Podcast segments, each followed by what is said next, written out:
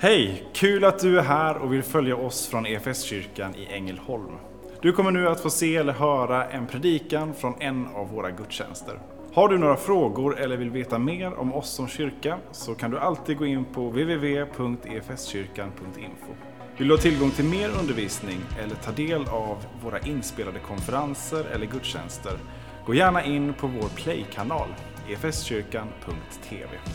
Nu ska vi lyssna på denna veckas predikan. Tänk att eh, bara stanna upp för, eh, för just den sanningen. Jesus han är här just nu. Det är han fastän inte det hördes. Vi provar denna istället då. Jag kanske har för tjock kavajficka. Eh, oavsett, det går bra så här. Eh, Eh, tänk att bara få stanna upp för det som vi just fick höra i sången. Jesus han är här just nu. Hör ni vad han säger? Jag älskar dig. Jag älskar dig. Jag bryr mig om dig. Det är så lätt att eh, det kan bli självklart det där Eh, evangeliet som det är.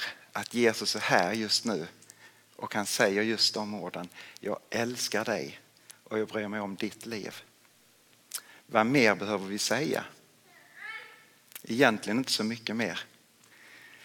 Men eh, det tänkte jag ändå att jag skulle ta tillfället i akt att göra. Men kom ändå ihåg detta. Jesus är här och han säger detta till dig. Jag älskar dig. Du är mitt älskade barn. Se, jag gör allting nytt. Eh, det är faktiskt så här att för en liten vecka sedan så fick jag möjligheten att tala i ett sammanhang som vi som på ett sätt som kyrka finns med i eh, via Rögle BK och det engagemanget som vi får lov att ha där. Jag fick tillsammans med eh, Ängelholms, ska vi se här vad heter det, arbets Eh, nu måste jag säga, arbetsmarknadsenheten i Ängelholms kommun. Eh, så står vi i ett gemensamt arbete som kallas Step In där vi får vara med och möta ett gäng människor vid olika tillfällen som finns väldigt, väldigt långt ifrån alltså arbete och sysselsättning.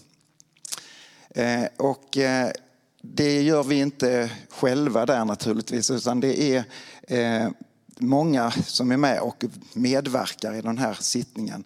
Och där får jag också finnas med och tala vid några olika tillfällen om självkännedom, självkänsla och eh, någonstans försöka vara med och lyfta de här människorna och på väg tillbaka in i sysselsättning.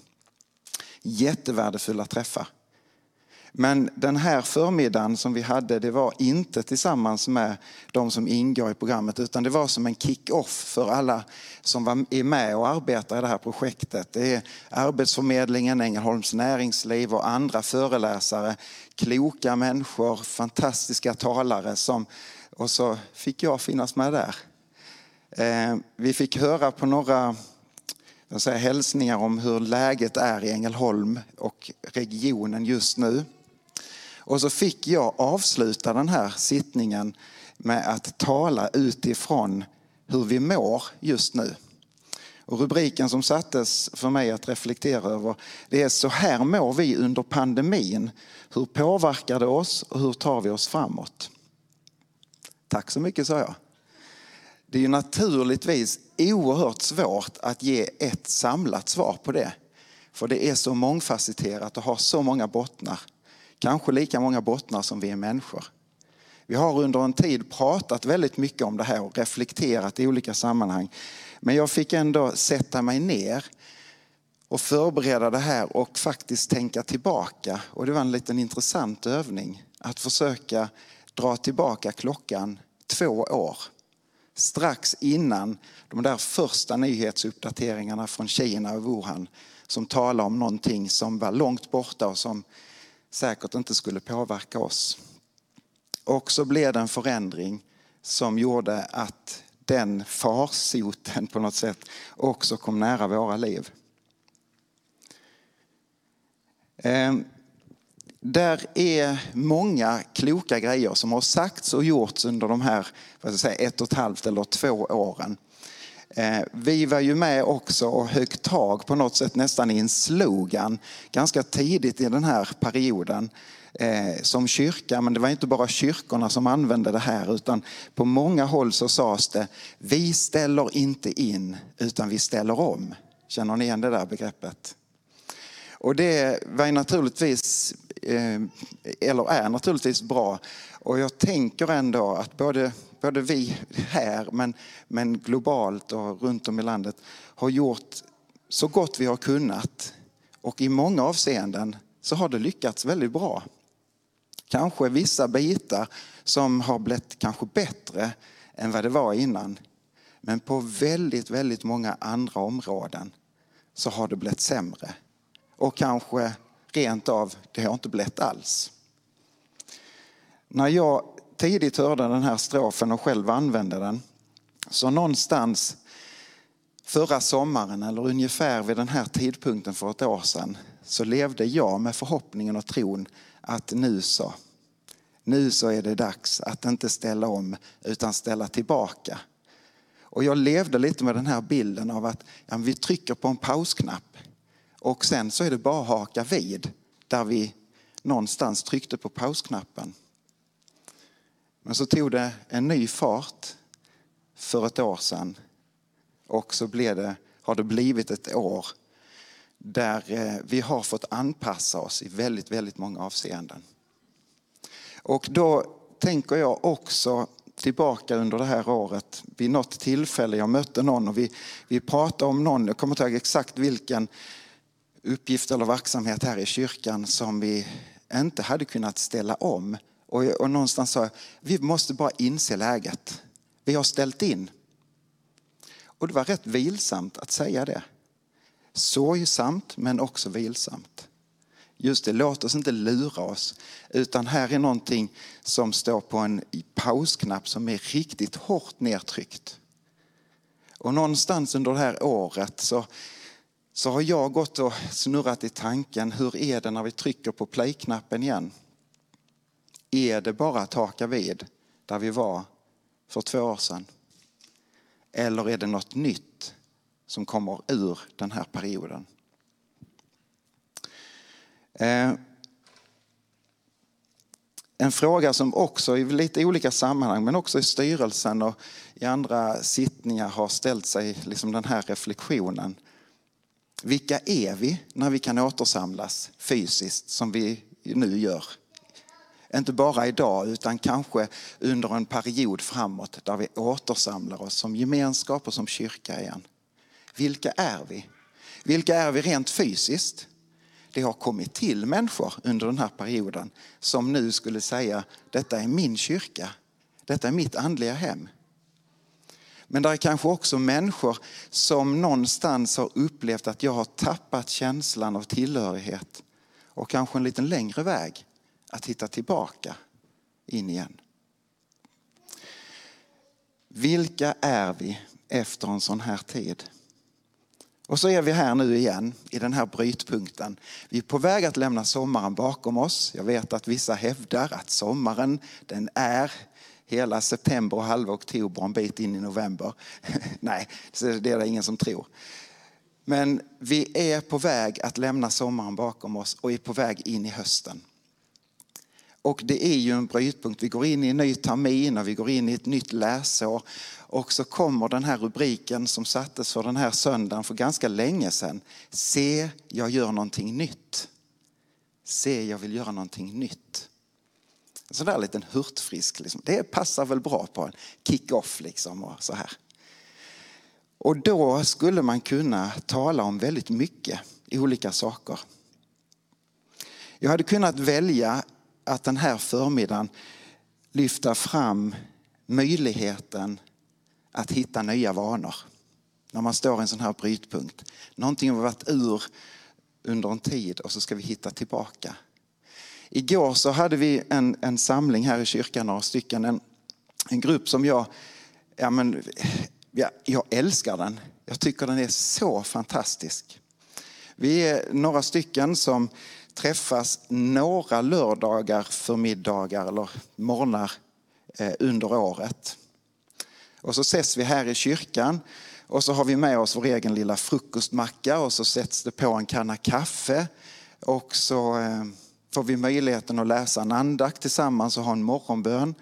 Och så tar vi ett gemensamt tag och städar av hela lokalen, alltså hela kyrkan. Och städvagnarna far omkring och, det, och man putsar något fönster där och hej hur är det och så. Och igår när jag vaknade så bara kände jag wow vad roligt det ska bli. Halv nio ses vi i kyrkan. Och så när vi kom där med vår lilla frukostmacka så när är det vi ska äta frukost? Är det nu direkt eller ska vi ta ett tag först en halvtimme och så fikar vi sen? Och så var det någon som sa, ja hur brukar vi göra? Ni känner igen den strofen. Ja, jag minns inte, det är ett och ett halvt år sedan vi träffades. Och det är ju inte någon superviktig fråga naturligtvis om när vi skulle fika vår frukostmacka. Men det visar någonstans vår förmåga att försöka hitta tillbaka i gamla vanor. Och det behöver ju naturligtvis inte vara fel. Men hitta möjligheten att förändra vanor när man är i brytpunkt som vi faktiskt är nu. Winston Churchill han sa så här vid något tillfälle. Förspill inte möjligheterna som uppkommer i en rejäl kris. Förspill inte möjligheten att ställa om. I krisen så är det skakar det om och vi vet inte riktigt hur ska vi nyorientera och så är det en möjlighet att hitta nya vägar. Och kanske också hitta nya vanor.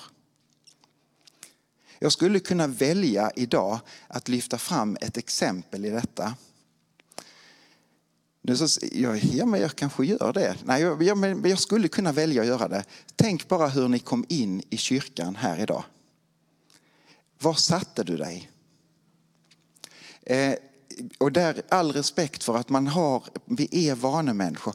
Det är skönt, här brukar jag sitta, detta är min sfär. Här brukar jag slå mig ner, här är jag trygg.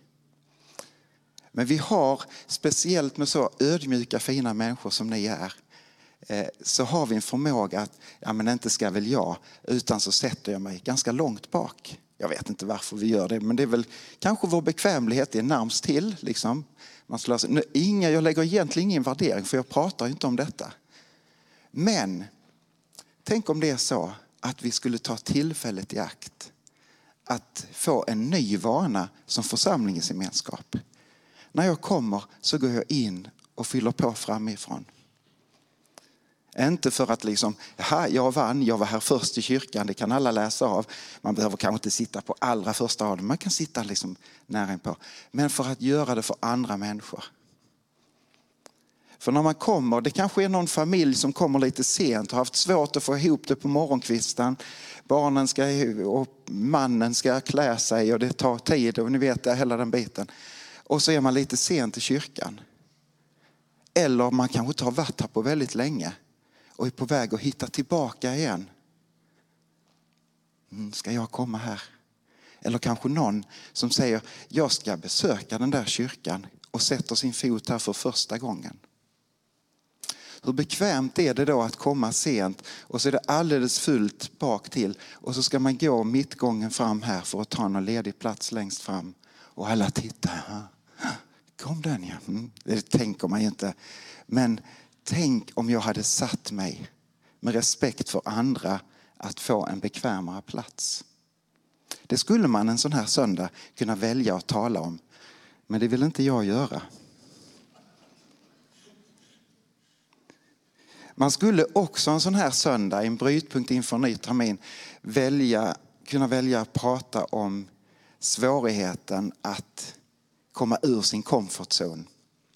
Rebecka hade ju uppe det liksom, oh, man har vant sig lite grann vid ett mönster av att ja, det blir ganska bekvämt hemma. Det är, alla de där uppgifterna, som, alla de där måstena som jag stod i innan har fått pausa ett och ett halvt år. Och vad skönt!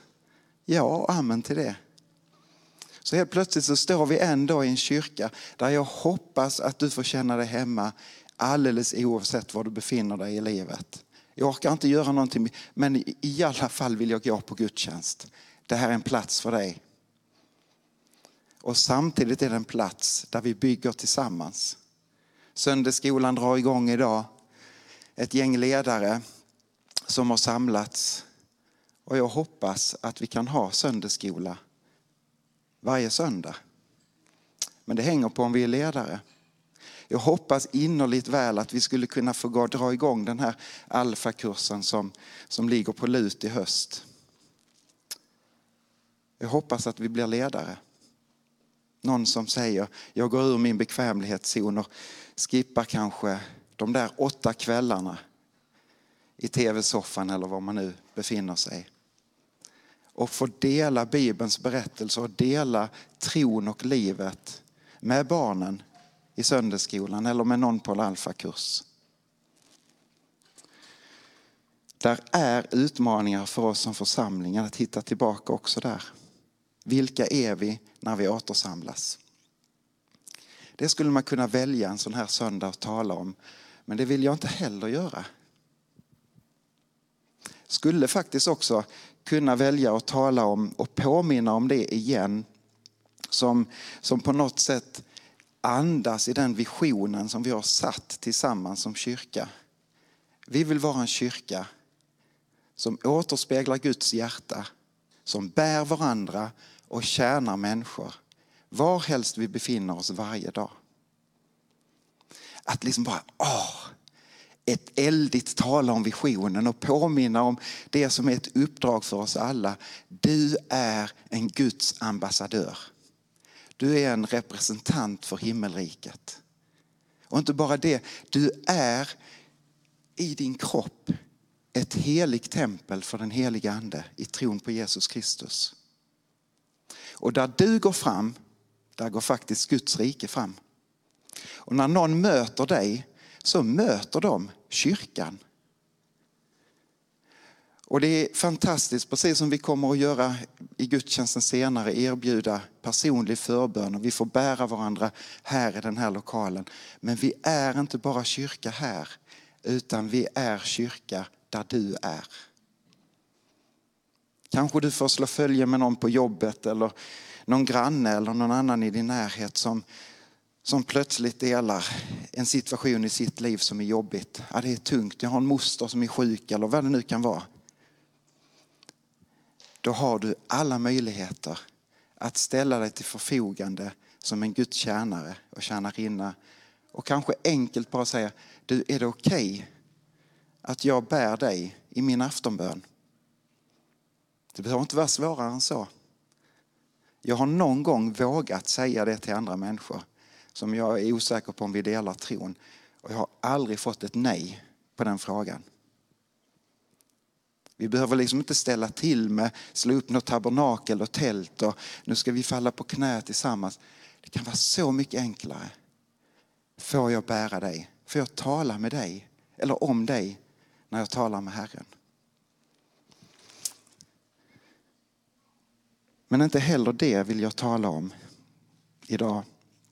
Utan nu kommer jag till det som jag vill tala om idag utifrån rubriken Se, jag gör allting nytt.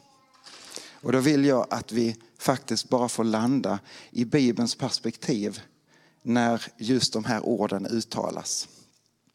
Och det är ju Johannes, eh, Johannes, inte döparen, Johannes, evangelisten Johannes, som är på gamla dagar får en uppenbarelse över en tid där han får blicka in i det som ännu inte är, men som om det redan fanns. Han fick blicka in i evigheten och på något sätt fick ana paradisets ljuvlighet. Och så får han försöka ge ord åt detta i bilder och text och på andra sätt försöka förmedla det som måste vara obeskrivligt vackert. Han ser det utifrån ett trasigt perspektiv, både i sitt eget liv och sin samtid. Men så får han blicka in i det som är helt. Hur sätter man ordet på det? Han får också i den uppenbarelsen höra Guds röst. Och i Uppenbarelseboken 21 så kan vi läsa bland annat så här i de första verserna. Och jag såg en ny himmel och en ny jord. Ty den första himlen och den första jorden var borta och havet fanns inte mer. Och jag såg den heliga staden, den nya Jerusalem, komma ner ur himlen från Gud, redo som en brud som är smyckad för sin man. Och från tronen hörde jag en stark röst som sa, se Guds tält står ibland människorna och han ska bo ibland dem. Och de ska vara hans folk och Gud själv ska vara hos dem. Och han ska torka alla tårar från deras ögon. Döden ska inte finnas mer och ingen sorg och ingen klagan och ingen smärta ska finnas mer. Ty det som en gång var är borta. Och han som satt på tronen sa, skriv till dessa ord är trovärdiga och sanna. Och han sa till mig, hoppade jag över någonstans? Ja, det är jag som är, nu ska vi se här. Ni ser ju var jag var. Se. Ja, det var ju det som var det viktigaste. Att se. se, jag gör allting nytt. Och han sa, skriv till dessa ord är trovärdiga och sanna. Och han sa till mig, det har skett. Jag är alfa och omega, början och slutet. Jag ska låta den som törstar dricka fritt ur källan med livets vatten. Se, jag gör allting nytt, säger Herren. Och det här är inte ett perspektiv som handlar om nästa termin eller som handlar om detta året vi har framför oss eller de nästkommande fem åren. Utan det här handlar om det viktigaste perspektivet för oss alla, nämligen evighetsperspektivet. Evigheten, det börjar inte där borta, långt borta. Det börjar här. Men det sträcker sig långt fram. Himmelriket är mitt ibland oss. Jesus är här nu och säger jag älskar dig. Men det kommer inte att nå sin fullbordan förrän tiden är inne. Eller tiden är slut. Jag tänker att att få höra de orden och få läsa detta, det är tid för att ge tröst och hopp. Ett framtidsperspektiv som sträcker sig längre som sagt. Tröst och hopp i en tid som vår. Jag tänker det är inte minst viktigt i en tid som vår. Där katastrofer läggs på katastrofer. Och vi kan liksom ana hur hela skapelsen liksom skövlar, står liksom i, i darrning på grund av att vi har farit illa med Guds skapelse. Vi kan ana hur kärleken kallnar allt mer. Med kriminalitet och våld som ökar och som också, likt pandemin, kommer närmare och närmare våra liv. Och tyvärr kanske också är en del av våra liv. Inte att vi har signat upp i någon slags gängkriminalitet, men skiljelinjen mellan gott och ont går genom varje människas hjärta. Och någonstans så tycker jag det ger tröst om att vi har en tid att vänta, eller inte en tid utan en evighet att vänta, där allt kommer att ställas till rätta. Herren säger, se jag gör allting nytt, en ny himmel, en ny jord. Det som är trasigt och förstört, det kommer att förgås, men inte till ett tomt inte, utan jag, jag ger det på nytt så som det var tänkt från början. Ingen sorg, ingen klagan. Herren kommer att torka våra tårar. Kanske det blir tillåtet att sitta med sådana tårar som du beskrev Rebecka. Av fascination över ljuvligheten av vem Gud är. Tacksamhetens tårar kanske får rinna där. Men sorgens tårar kommer inte längre att vara. Ingen sjukdom, Ingen död. Ingenting som kommer att fattas oss. Allt kommer att vara helt. Se, jag gör allting nytt. Åh, vad jag längtar till den tillvaron. Ibland säger man ju så här att framtiden är som ett oskrivet blad. dagbokens sidor som ännu inte har varit, de är oskrivna. Vad framtiden har att bjuda på, det vet vi liksom inte. Vad har morgondagen att bjuda på? Men det är inte sant när det gäller evighetsperspektivet. För det finns en bok i Guds närhet, nämligen Livets bok. Och det är skrivet på varje blad.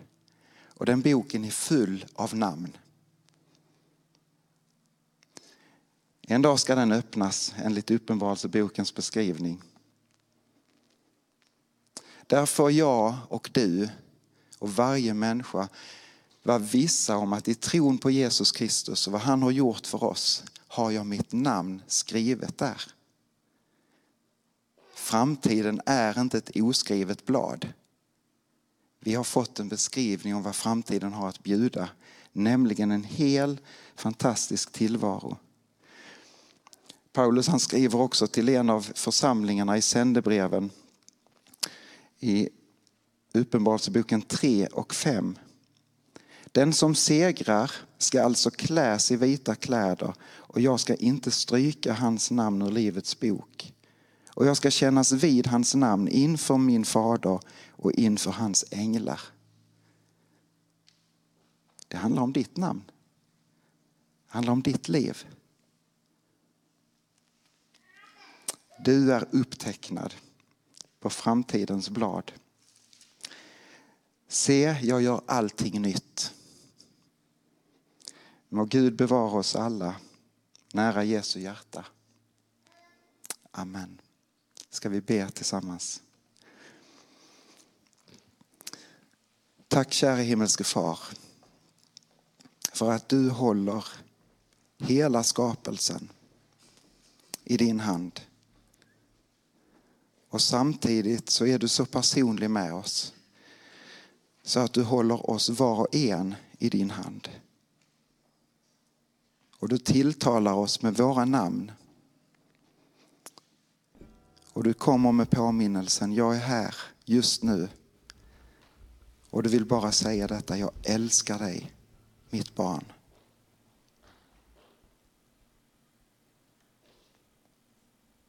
Jesus, vi lägger resten av denna dagen, resten av våra liv, än en gång i din hand. Amen. Som kyrka är det en glädje att få spela en liten roll av allt Gud gör i och genom ditt liv. Vi vill gärna fortsätta följa dig på den resan. Och vill du ta reda på vad ditt nästa steg kan vara på din resa med Gud så gå in på efskyrkan.info nästa steg. Vår längtan är att få se människor och samhällen förvandlade av Jesus. Genom en kyrka som återspeglar Guds hjärta, bär varandra och betjänar människor varhelst vi befinner oss varje dag.